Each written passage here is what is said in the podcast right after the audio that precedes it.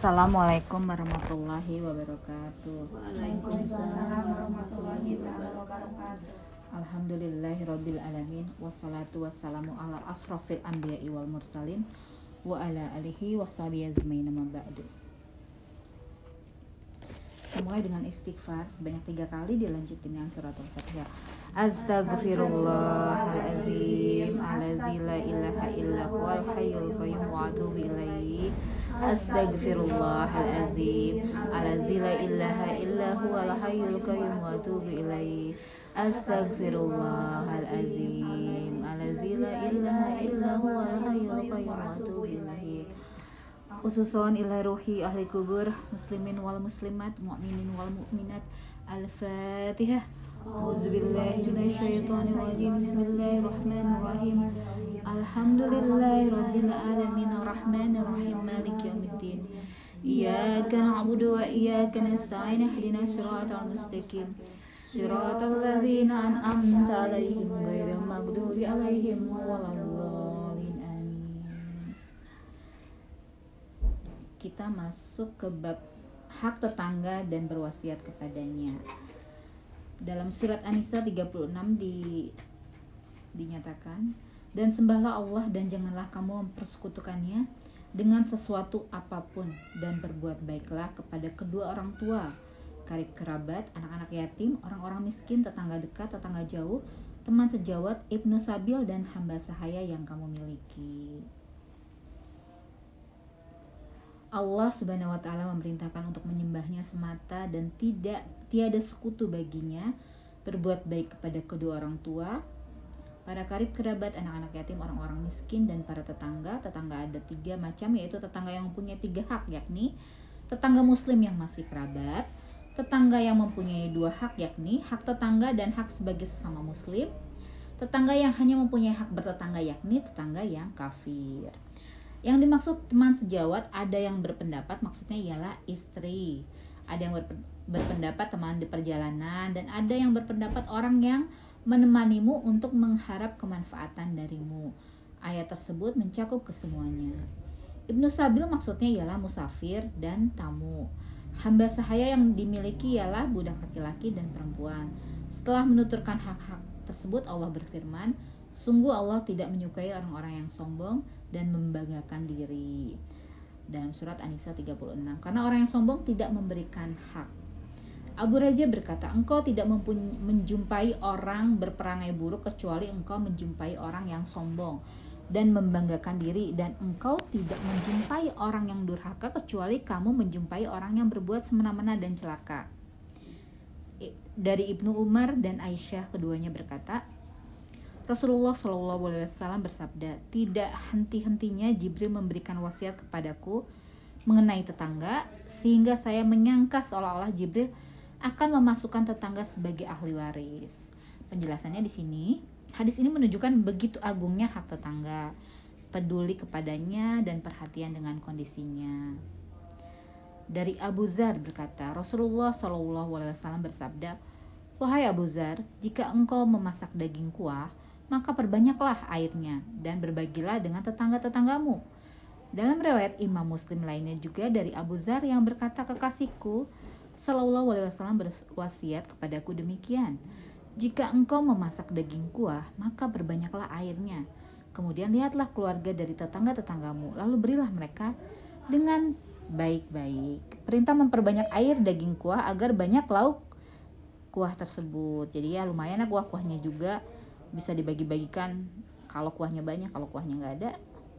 Karena kalau orang itu biasanya cukup kuah dicocol dengan ya apa namanya? Roti ya? Roti no Mariam. Hah?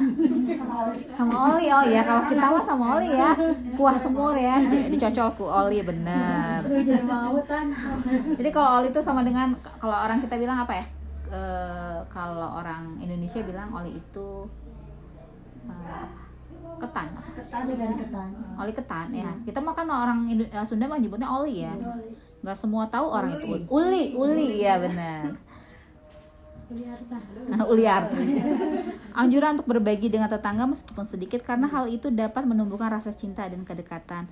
Di samping itu dapat memperoleh manfaat dan menolak ma mafsadat sebab bisa jadi kita menikah dengan orang yang sangat kikir sehingga ia pantas menerima hadiah dari tetangganya. Dan terakhir dari Abu Hurairah bahwa Nabi Wasallam bersabda demi Allah tidaklah beriman demi Allah tidaklah beriman demi Allah tidaklah beriman. Beliau ditanya siapakah ya Rasulullah? Beliau menjawab yaitu orang yang tetangganya tidak merasa aman dari kejahatannya.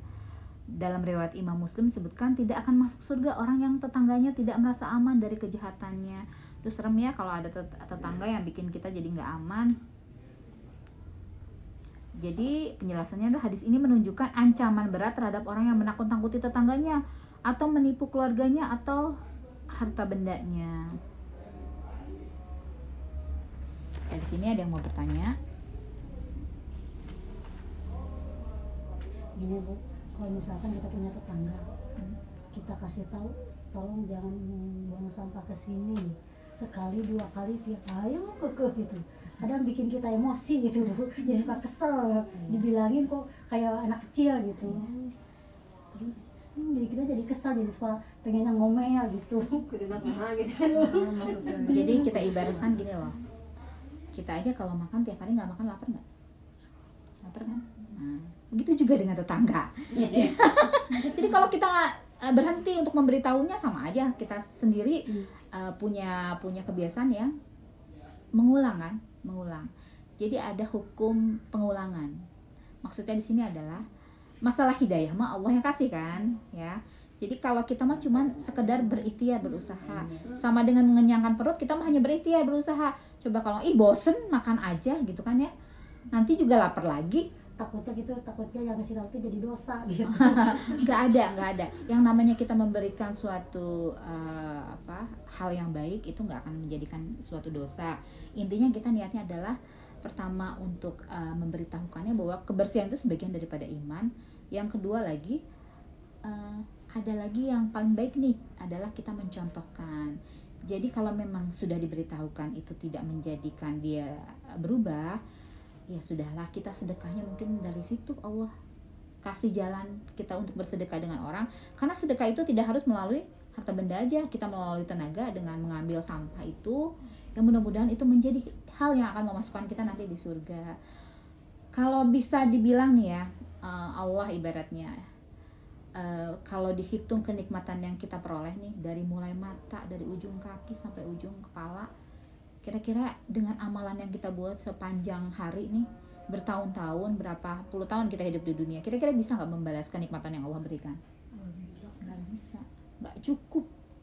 Makanya kita akan mencari apa? Selain daripada amalan yang kita punya kita men- mencari dari rahmatnya Allah atau ridhonya Allah. Nah kalau mungkin Allah ridho karena kita tiap hari mengambil sampah tersebut berarti itu adalah amalan mungkin yang akan memasukkan kita ke surga. Insya Allah insya Allah jadi gitu aja simpelnya. Kalau dibawa kesel mah hayangnya eta diduruk we di depan imana ya kadang pun di depan rumahnya ada di kucing didiemin sampai kering. Kalau bis baru kan kok bagus kalau nggak sama Haris nggak ada nggak ada yang diuji ujian ujiannya Ujian. Teh Lilis seperti itu mudah-mudahan lulus dan itu Amin. menjadikan amalan yang memasukkan Teh Lilis ke surganya Allah. Amin ya jadi cobaannya Di sini juga begitu, sama. ya coba. Lamun tahajud mah kudu bangun peting ya. Jam baraha jam tilu. Kudu eh, ngambil wudhu tiris gitu kan ya. Coba kebayang itu mah cuman ibaratnya kita eh, melakukan hal yang nggak lama mungkin ya. Paling berapa menit sih ngebersihin itu ya? Apalagi tadi pagi Telilis itu ada teh kucing jadi barusan di situ. Kenapa dia kok dijunjung ke Telilis gitu Iya, berarti ya. Berarti Allah menyiapkan tuh sebongkah berlian.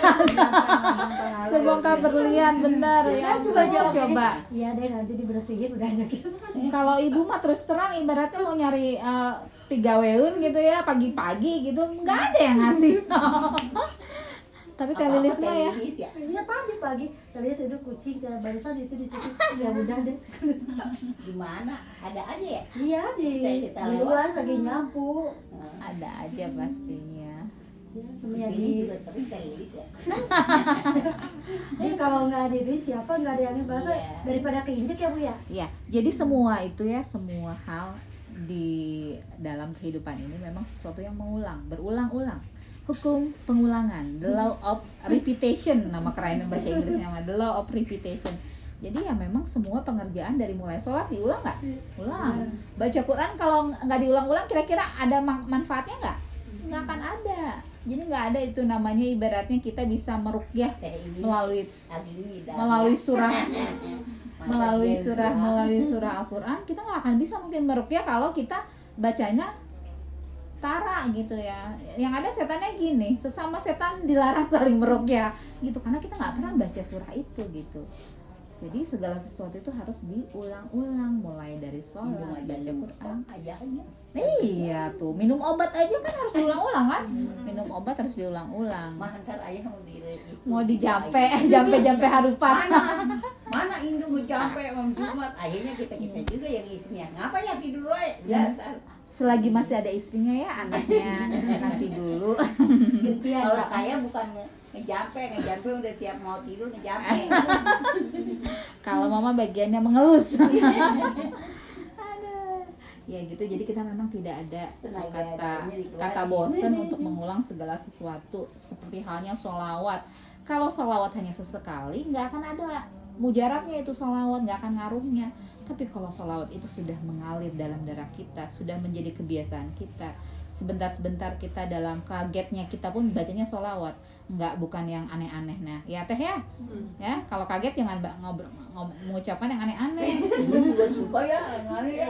ya kan kalau orang Sunda mah lamun kaget ngomongnya sok iya rada-rada jorang ya. Mengarah ke yang seperti itu Iya, gitu kan ya. nah biasakan coba kalau dengan membiasakan sholawat. Nah, dengan membiasakan kita dengan sholawat insya Allah yang akan kita ucapkan pada saat kita kaget juga. Coba kalau kebayang pas kaget kata jong paeh Ma- yang mau disebutkan eta coba kira-kira kumaha ta? Orang Sunda, orang Sunda kalau lepas tahan, ya. Coba kalau pas kita kaget kata jong paeh terus yang disebutin sholat insya Allah langsung masuk masuk surga. tuh ya, amin. Pasti begitu kalau latahan. ya jadi sesuatu yang diulang-ulang itu memang itu hukumnya adalah untuk supaya segala sesuatu itu menjadi ya dalam pertama kali Nabi menerima wahyu apa yang diucapkan? Ikra bacalah. Nggak sekali itu disebutkan. Ikra bacalah bacalah bacalah. Nah mulai sekarang mulai sekarang nih kita merubah bacaan kita. yang tadinya bacaannya gosip kepo ganti sekarang bacaannya. Bacanya apa coba? Membaca kisah-kisahnya Nabi Muhammad SAW. Jadi kita tahu nih, kita tahu kira-kira perjalanan Nabi Muhammad dari mulai lahirnya sampai dengan wafatnya seperti apa. Kalau nggak kenal maka tak, tak kenal maka tak, tak sayang. Jadi kalau kita sudah tahu bagaimana Nabi Muhammad menguasai segala ilmu, ilmu pengetahuan yang ada di dunia ini, kita akan jatuh cinta kepada Rasulullah. Dan kita akan kangen terus mendengar apa nasihatnya. Karena Rasulullah adalah salah satunya sumber ilmu. Jadi kalau memang kita mau kenal sama Rasulullah mulai sekarang nih cari kisah-kisahnya dengan sanat yang baik ya pastinya melalui kitab-kitabnya. Ada banyak macam-macam ya. Kalau biasanya kita suka baca Simtuduror Barzanzi ya itulah. Mungkin kita cari artinya apa Bu, padahal kan Rasulullah itu enggak sekolah kayak kita ya. Nah. Tapi dia tuh menguasai ilmu seluruh. Seluruh dunia dan akhirat dia menguasai. Itu kan dipertanyakan sama orang non muslim bu. Eh, pembuktian oh Islam gini gini kenapa coba? Kenapa coba? Karena kalau Nabi Muhammad bisa membaca menulis, orang di luar muslim pasti menyangka itu Al-Quran itu adalah Buatan karangan manusia. buatan manusia.